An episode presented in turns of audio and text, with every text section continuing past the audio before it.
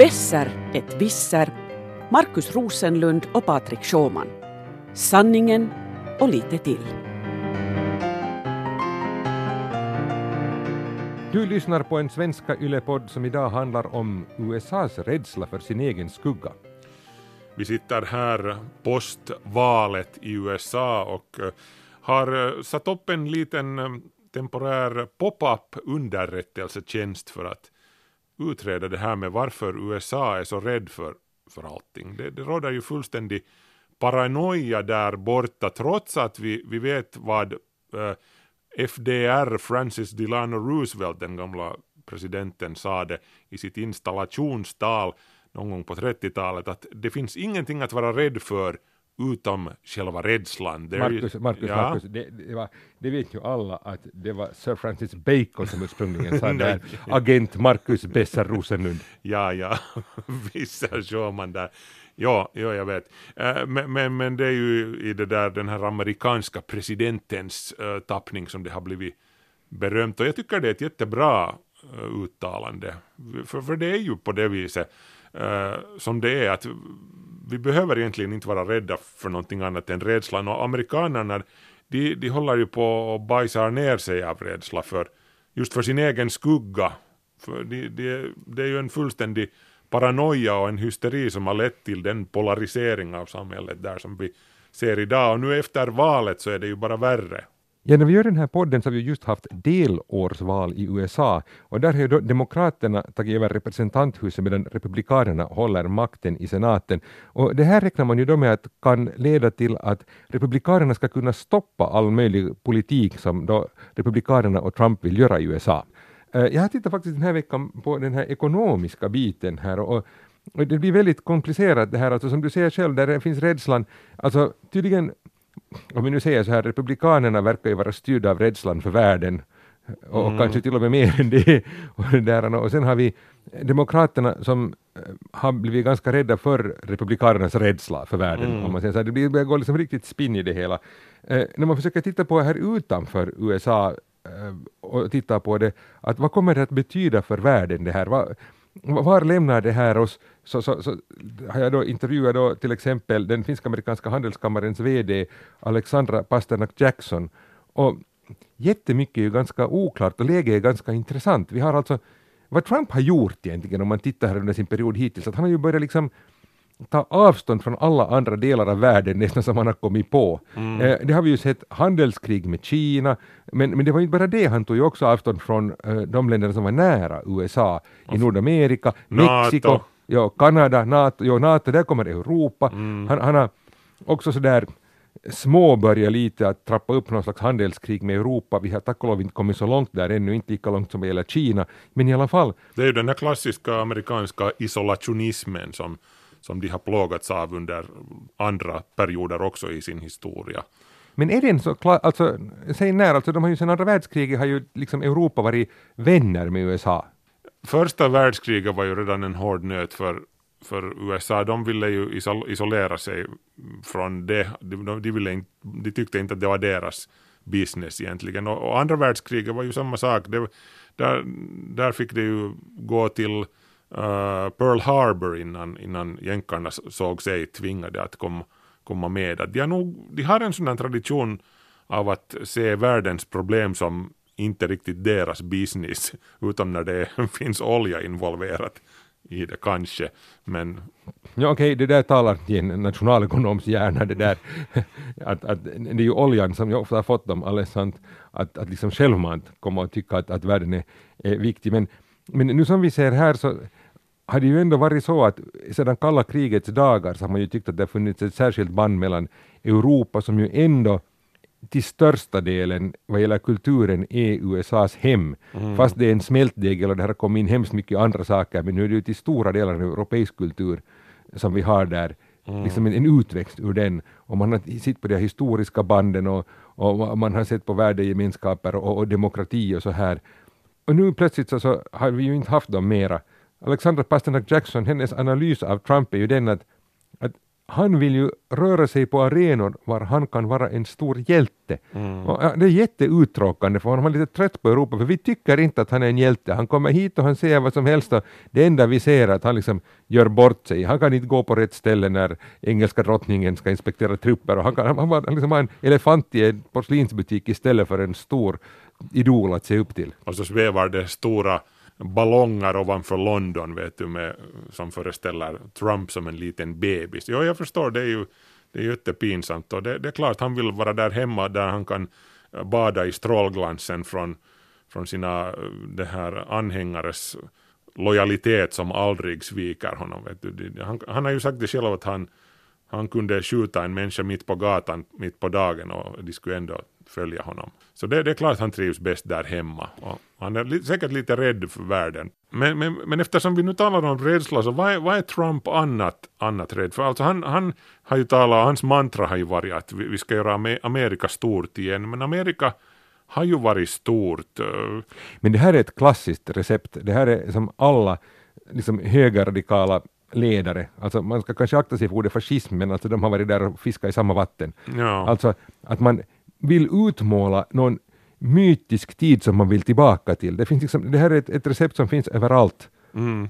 Trump har nu tagit avstamp i, i någonting sånt här att, att USA har varit liksom större tidigare och nu ska man få tillbaka det här. Det är, det är på något vis alltid det här som det går igen i jättemånga olika länder. Men samtidigt så, nu- så nu håller han ju på att göra sig av med den storhet som, som Amerika de facto hade. Och, och vad, vad kommer att nu hända? Kommer, hur, hur, liksom spelar demokraternas seger i, i, i den här delsegern i, i det här mellanvalet in? Va, vad händer nu då? Kommer de att sumpa Trumps chanser att, att bibehålla ens den? Jag, jag, jag förstår ingenting liksom. Ja, ingen förstår ju någonting nu. Alltså, men, men mycket handlar om det här, alltså om vi tittar på USA nu, om, om vi tittar som jag har sett och intervjuer nu den här veckan om politiken utåt. Alltså, så, så det här har vi också där inne, jag menar i USA så håller de nu på och bollar hemskt mycket om hur det nu ska gå med utredningen av den här Rysslandskopplingen och annat och, och, och, och Trump hittar på alla möjliga knep för att försöka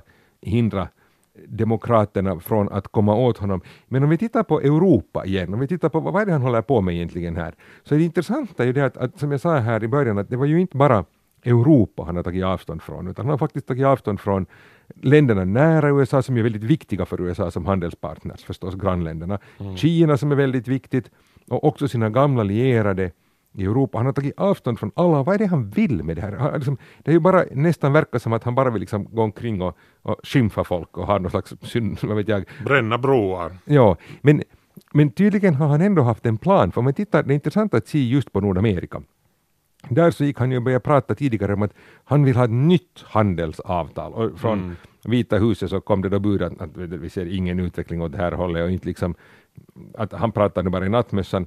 Plötsligt en vacker dag satt vi med ett nytt avtal. Det gamla NAFTA hade ersatts av det här USMCA som jag inte vet om vi behöver lära oss utan till för att Det låter kom- som en Village People-låt. Jo, det låter det kanske. Vi kan se när han sjunger. USMCA. USMCA. Ja, det, det, det där, vi, vi kan nå säkert väga toppen med den här låten åtminstone. Det där United States Mexico Canada Agreement. Det blev av plötsligt, en vacker dag fanns den där. Ja. Och, och det verkar som att Trump trots allt inte vill bli en popstjärna nu på det här sättet, utan han, vill, han ser det som ett sätt att förhandla. Mm. Han, vill liksom, han tittar att, på världen och ser att här är saker som inte är helt okej. Och just när det gäller Kina, man kan nu fråga när det gäller Kanada och Mexiko, att hur, hur liksom farligt var det? Men, men när det gäller Kina så han, är han inte helt ute och cyklar, för alla har ju hela tiden medgett att Kina har inte riktigt nu följt internationell regler när det gäller handel. Det gäller mycket sådana immateriella rättigheter, all olika copyright-regler och annat, och patent och sånt här, som de har tyckt att om du vill sälja här i Kina så vill staten få veta vad det är du har för, för kunskap här. Och, och, och det betyder att, jag menar, för mig låter det som en slags liksom legaliserat industrispionage som Kina har hållit på med och krävt som förutsättning för att man ska kunna komma in på den kinesiska marknaden. Och här har Trump liksom nu använt USAs muskler för att säga att vi måste komma ifrån det här. Han vill ha ett handelsavtal var Kina slutar göra det här. Kommer de att sluta göra det här eller, eller hur kommer det att gå? Men i alla fall att de ska inte kunna kräva ut liksom sånt här. Och han vill antagligen ha ett handelsavtal med Kina. Det har ju han sagt nu, han har ju gjort en U-sväng och själv talat om att han har talat i telefon med Kinas ledare. Nå, ja, han tycker ju om att prata med stora ledare. Mm. och efteråt så när man hör på honom så har alltid samtalen varit helt fantastiska och alla har beundrat honom under hela samtalet. Um, det skulle vara intressant att kolla, men också i Kina har man ju talat om att de vill ha ett handelsavtal. Ingen Mm. vinner ju på det här kriget. Uh, så att därifrån har också kommit signaler nu att man kanske skulle få ett sånt här. Så då kanske de vill ha ett sånt avtal med Kina och så vill ju Trump också ha ett avtal med Europa. Det är bara det att han hade jättebråttom, det fanns nästan ju ett avtal när han tillträdde som president. Mm. Det här TTIP, en bokstavskombination som vi också kan glömma och det blir inte heller. Ja, det blir ingen vits, det blir ingen bra hit av det där och nej, det fungerar inte och det fungerar inte för Trump heller. Det, det var fint papper men att han tog och rev hela pappret och slängde det i roskisen och nu så har han då kommit på att, att han vill ha ett eget avtal som han damade för en tid sedan då och började titta på här att kommit fram med idéer som verkar som han skulle liksom plocka upp de här bitarna från roskisen och lite limma ihop dem och titta vad stod där egentligen och så säger han jag har en sån här idé och så det- det är läser han upp det på nytt. Det är så han jobbar på riktigt. Han lär ju riva sönder allt, alla sina dokument och så får hans assistenter limma ihop dem sen. Okej, han tog upp ett papper som hans assistent hade limmat ihop, men i alla fall så, så han har egentligen tänkt sig att han ska förhandla ett nytt avtal med Europa då också var han får igenom några saker. Och, och om inte Europa går med på det här så han har ju redan satt sådana tullar på stål och aluminium för Europa. Han hotar ju med 25 procents tullar för europeiska bilar och annat. Att han liksom är ute här också och vill pressa det här ut oss. Men, men, alltså nu, nu vad, händer, vad händer här är nu frågan. Att, Ja, att om, demokraternas om seger. demokraterna, ja. Om, Ja. om de faktiskt kan börja stoppa honom på olika sätt. Att det är ju, när han kommer sen med sina alla nya avtal och säger att titta jag har ett fantastiskt nytt avtal med Kina, jag har ett fantastiskt nytt avtal med Europa. och så, så går, om det är sådär som att, att pytsan hela har du, att vi röstar omkull det här. det där, för, för de har ju en, en konstig konfliktsituation här. Egentligen är demokraterna för frihandel och de vill ha handelsavtal. Men Trump vill ju i stort sett, han går ju fram liksom som en bulldozer och vill egentligen ha avtal var det står hans namn under de här avtalen. Det är ju liksom jätteviktigt och det vill ju då eh, demokraterna inte. De vill ha ett, säkert ett avtal var det står kanske i bästa fall deras nästa presidents namn under. Ja, så, så med andra ord, demokraterna är rädda för att Trump lyckas och gör någonting som på riktigt är i USAs, så att säga, bästa intresse. Ja, det blir en jättekonstig situation. Som jag, när jag talade med Alexandra Pasternak Jackson så sa hon ju att, att den riktiga frågan blir att hur patriotiska är nu eh, demokraternas nya ledamöter här? Att kommer de att se till USAs bästa eller till partiets bästa? Att Det blir två olika saker. Ja. Och, och om de väljer nu att se till partiets bästa och väljer att liksom fälla alla tänkbara handelsavtal med Kina, fälla alla tänkbara handelsavtal med Europa, då är vi ju plötsligt jag menar, jag tycker ju, om vi nu sitter här som agenter i vår egen underrättelsebyrå och tänker fritt här idag, så, så jag tycker det låter som att Trump kan bli liksom gisslan av sin egen förhandlingstaktik. Att han, har, han har rivit broarna och härjat och beslutat sätta press på för att liksom få till stånd ett avtal. Men sen när han ska få ett avtal, om han inte får igenom det i USA, så betyder det att det här handelskriget, eller det är ju inte ett riktigt fullskaligt handelskrig ännu, det är ju Trump som talar om ett handelskrig. Han upplever att han är ett handelskrig. Alla andra tittar på det här och tycker att det är lite så här, han har nog inte alls kommit dit ännu, ett handelskrig är mycket värre. Men han har ändå satt igång sådana konflikter till höger och vänster och öst och väst liksom på det här sättet. Och så blir han sittande med dem om han inte kan få igenom sina liksom lösningsidéer mera.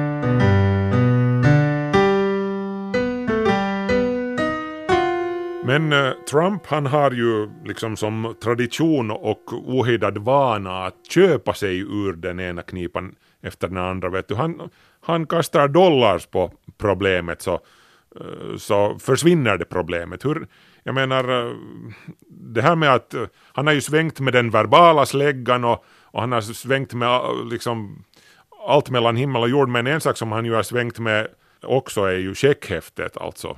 Det som man ser är ju hans sätt att sköta USAs ekonomi. Ja. Och, och det går ju till på det sättet att han lånar hela tiden pengar fast det går bra i ekonomin. Alltså det här är något som går tvärt emot vad alla nationalekonomer rekommenderar. Tanken är ju den att man ska låna och pumpa in pengar i ekonomin när det går dåligt för att underlätta om det är liksom en lågkonjunktur.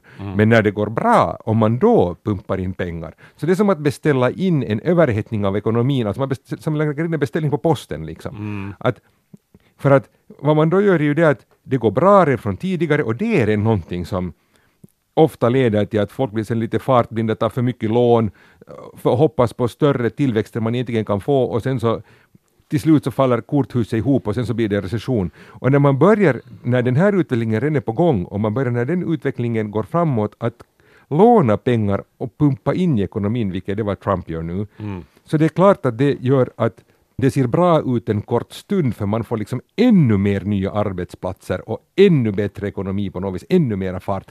Men samtidigt så ökar man, man försnabbar den här överhettningen, man ökar risken för den.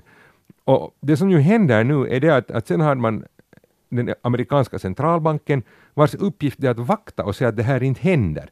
Och deras vapen i den här kampen är räntan. De kan gå in liksom och höja räntan så att alla som ska ta ett lån och köpa en bostad eller alla företag som ska ta ett lån och investera i någon ny fabrik eller i någon ny, vad, som helst vad man vill investera i, de måste betala allt mera pengar för sina lån, liksom bankräntan stiger hela tiden. Det är deras vapen. Och nu liksom sitter de här och tävlar där i USA, att Trump mm, kör med nästan 5 procent budgetunderskott per år, tar de här pengarna och pumpar in i ekonomin och sätter fart på den och centralbanken sitter där och höjer räntan och försöker bromsa den. Och det som är problemet med de här, att de här fungerar inte lika snabbt. Alltså att det där Trump får ganska snabbt igång ekonomin, den här räntan fungerar på längre tid, så det blir väldigt svårt att se liksom att fungerar den här inbromsningen och svårt att veta att bromsar centralbanken för mycket eller för lite. Men Trump i alla fall håller på liksom att sätter sin egen centralbank i en väldigt problematisk situation genom att hela tiden pumpa in pengar för att alla ska se hur fint han får fart på ekonomin. Sätter han inte också Demokraterna i en, i en besvärlig situation här? Jag menar det är ju lite som, som ett heroinmissbruk här. Det, det går bra och, och, och man har roligt så länge det finns tillgång till knark men vet du sen när när knarktillgången stryps så då, så då kommer delirium och, och, och den hårda uppväckningen. Men jag menar om, om de nu börjar sätta stopp för det här också och säger åt Trump att, att nej nu, nu ger vi inte dig mera befogenheterna att, att eh, slösa med pengar på det här viset, då, då blir det ju igen dåliga tider. Alltså det här är en sån, har ju varit en sån cirkus i USA många gånger just det här. Alltså de, USA har ju länge kört med underskott och det har länge varit jättestora underskott.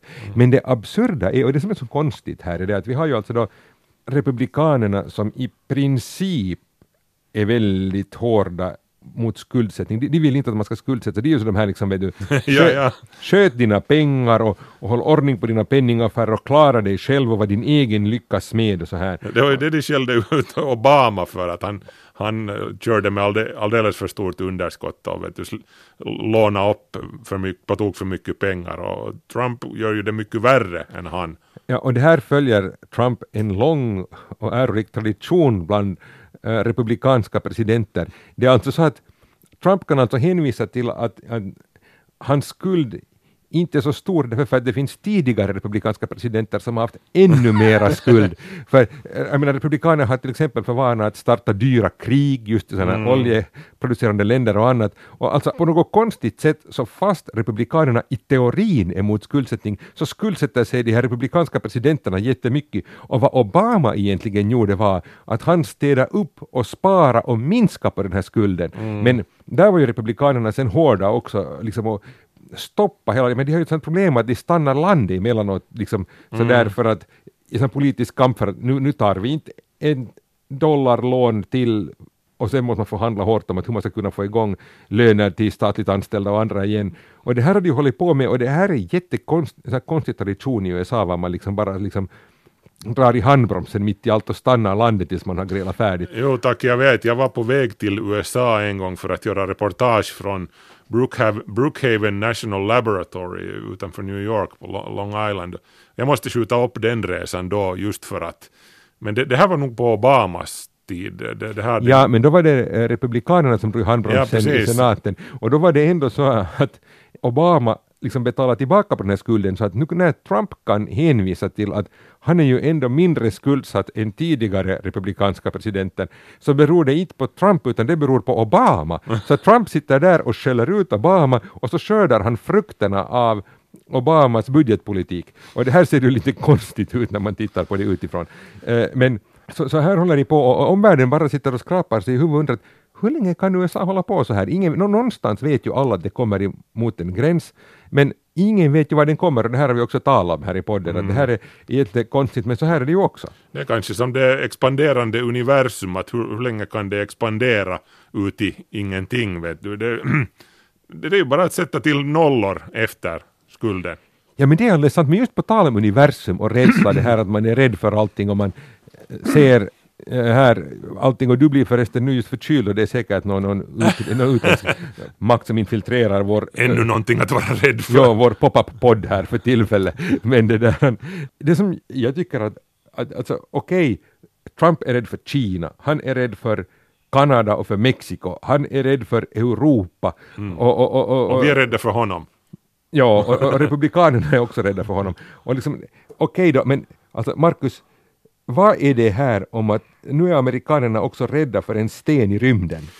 Som inte är en sten då enligt eh, ett par Harvard-forskare som har publicerat en vetenskaplig uppsats nu helt på sistone där de helt på allvar hävdar att uh, den interstellära stenen Oumuamua, den har ett besvärligt katalognamn. Kan, kan du bara upprepa det där bara för klarhetens skull? Oumuamua. Tack. Vet du, det är hawaiianska och betyder ungefär spanare från fjärran. Den dök upp på astronomernas radar för, för ungefär ett år sedan, lite drygt, i mm, hösten 2017. Och, och det där man insåg genast att det där ser ut som en asteroid eller en komet men det kan inte vara det, åtminstone inte en härifrån.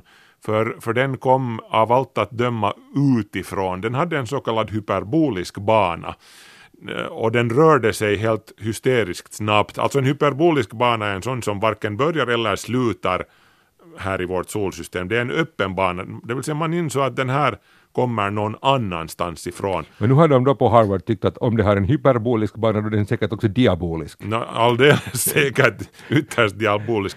Uh, nej, men alltså Eh, det är då de här två forskarna, Löb och Biali heter de, eh, som, eh, okej okay, de är ju faktiskt inte de första som har tänkt den här tanken, men de är de första som har skrivit en vetenskaplig uppsats om det. De, de menar att den beter sig lite konstigt, eller den betedde sig lite konstigt, när den kom in åkande från rymdens mörker och gjorde en sväng runt solen och for tillbaka utåt. Just i den här fasen då den vet, gjorde den här slungrörelsen, eh, solens, den använder solens gravitation för att ge, ge, ge sig själv lite ytterligare fart.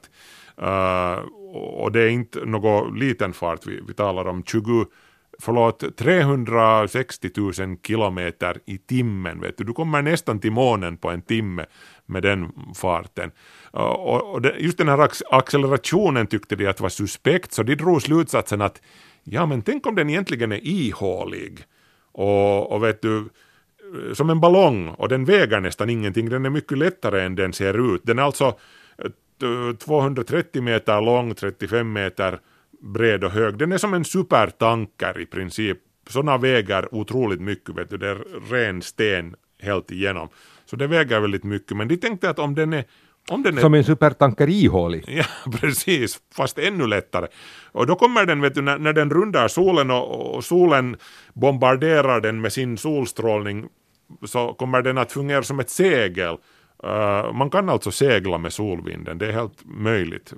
Och, och den, den skulle då utnyttja där den här sol, solens strålningstryck och vilket skulle få den att skjuta iväg precis så som den gjorde ut tillbaka i rymden. Det här var vad de då, den här slutsatsen drog de då att, att ja men den, den kan ju faktiskt vara en, en rymdsond uh, hitskickad av en utomjordisk civilisation i ett annat solsystem någonstans hit sen då det är underförstått alltså att spionera på oss eller observera oss eller någonting. Och, och det där... Speciellt USA, alltså det vet man ju alla, det är USA där som är lupp här Framförallt, framförallt. framförallt USA, de, de landar ju alltid de här aliens, de landar alltid utanför Washington och, vet du, så, Så är det alltid, och det är alltid alla, det är därför också USA har alla de här filmerna, var de visar hur de alla landar i USA, det här är självklart. Ja.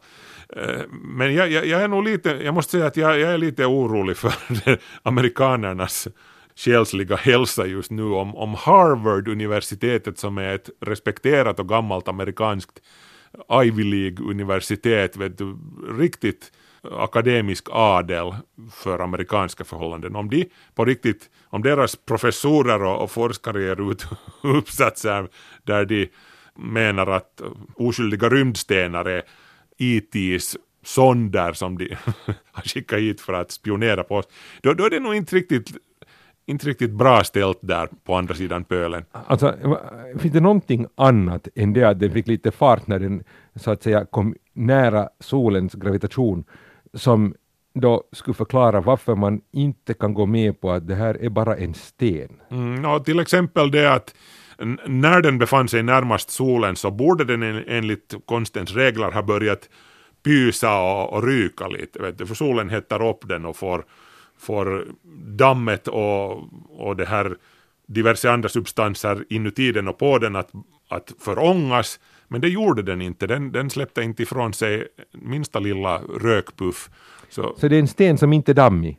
Ja, i princip. Och det här har då experterna förklarat bland annat med att ja, men den, den kan vara en gammal komet från ett annat solsystem som har blivit grillad av sin egen sol, vet du, till den mån att, att den sen till slut inte har något mera damm på sig och, och den har liksom också blivit härdad av den här långa färden genom det interst, interstellära mediet i den, den interstellära rymden. Så det finns sätt att förklara det här, men de här forskarna de menar nu att, att nej, det, det, det är nog tydligt att det Men var det, inte- var det inte så att man till och med försökte lyssna på den här?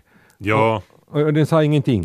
det var, ja, australiensarna hade sina radioteleskop eh, spetsade på den då, då när den började sin färd utåt tillbaka, men när den, den sa det inte ett knyst. Nå, det här kan man ju sen eh, då förklara bort om man vet du, är lite av den sorten som tycker om sådana här X-files hypoteser att ja, ja, de kommunicerar med något slags hyperrymdstelegraf eller någonting som, som inte ger något synliga eller hörbara spår utåt. Så. Vad vet jag, men, men lite, lite orolig är jag nog för amerikanerna nu. Att, alltså det, det, det, är nog, det går nog inte bra där. Inte.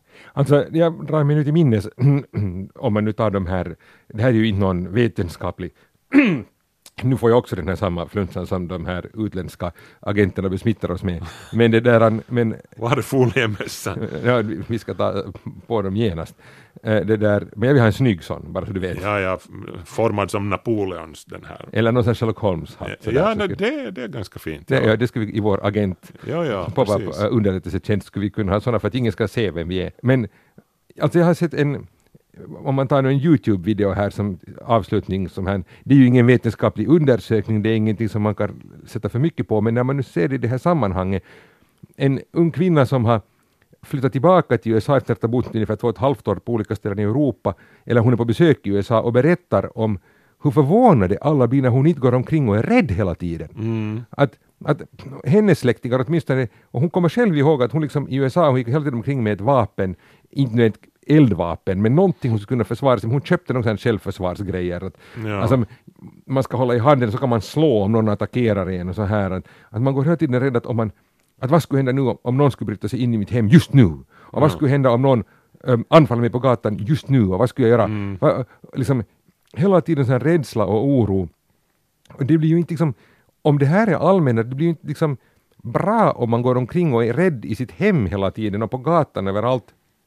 Jag menar USAs brottsstatistik skiljer sig tydligen inte hemskt mycket från många andra ställen i världen. Ändå så är man liksom, man går omkring och är jätterädd och hela tiden beredd på att någonting illa ska hända en. Och, och historiskt sett så har amerikanerna varit jätterädda för Sovjetunionen till exempel. Och nu är de rädda för stenar i rymden och så är de rädda för liksom europeiska bilar. Det, det är inte ett, jag börjar hålla med då, var det Bacon och Roosevelt här, att, att den här fruktan är ingen bra kompis. Nej, det är sist och slutligen det enda som vi behöver vara rädda för, helt, helt tydligt. det och, och det där dillkött.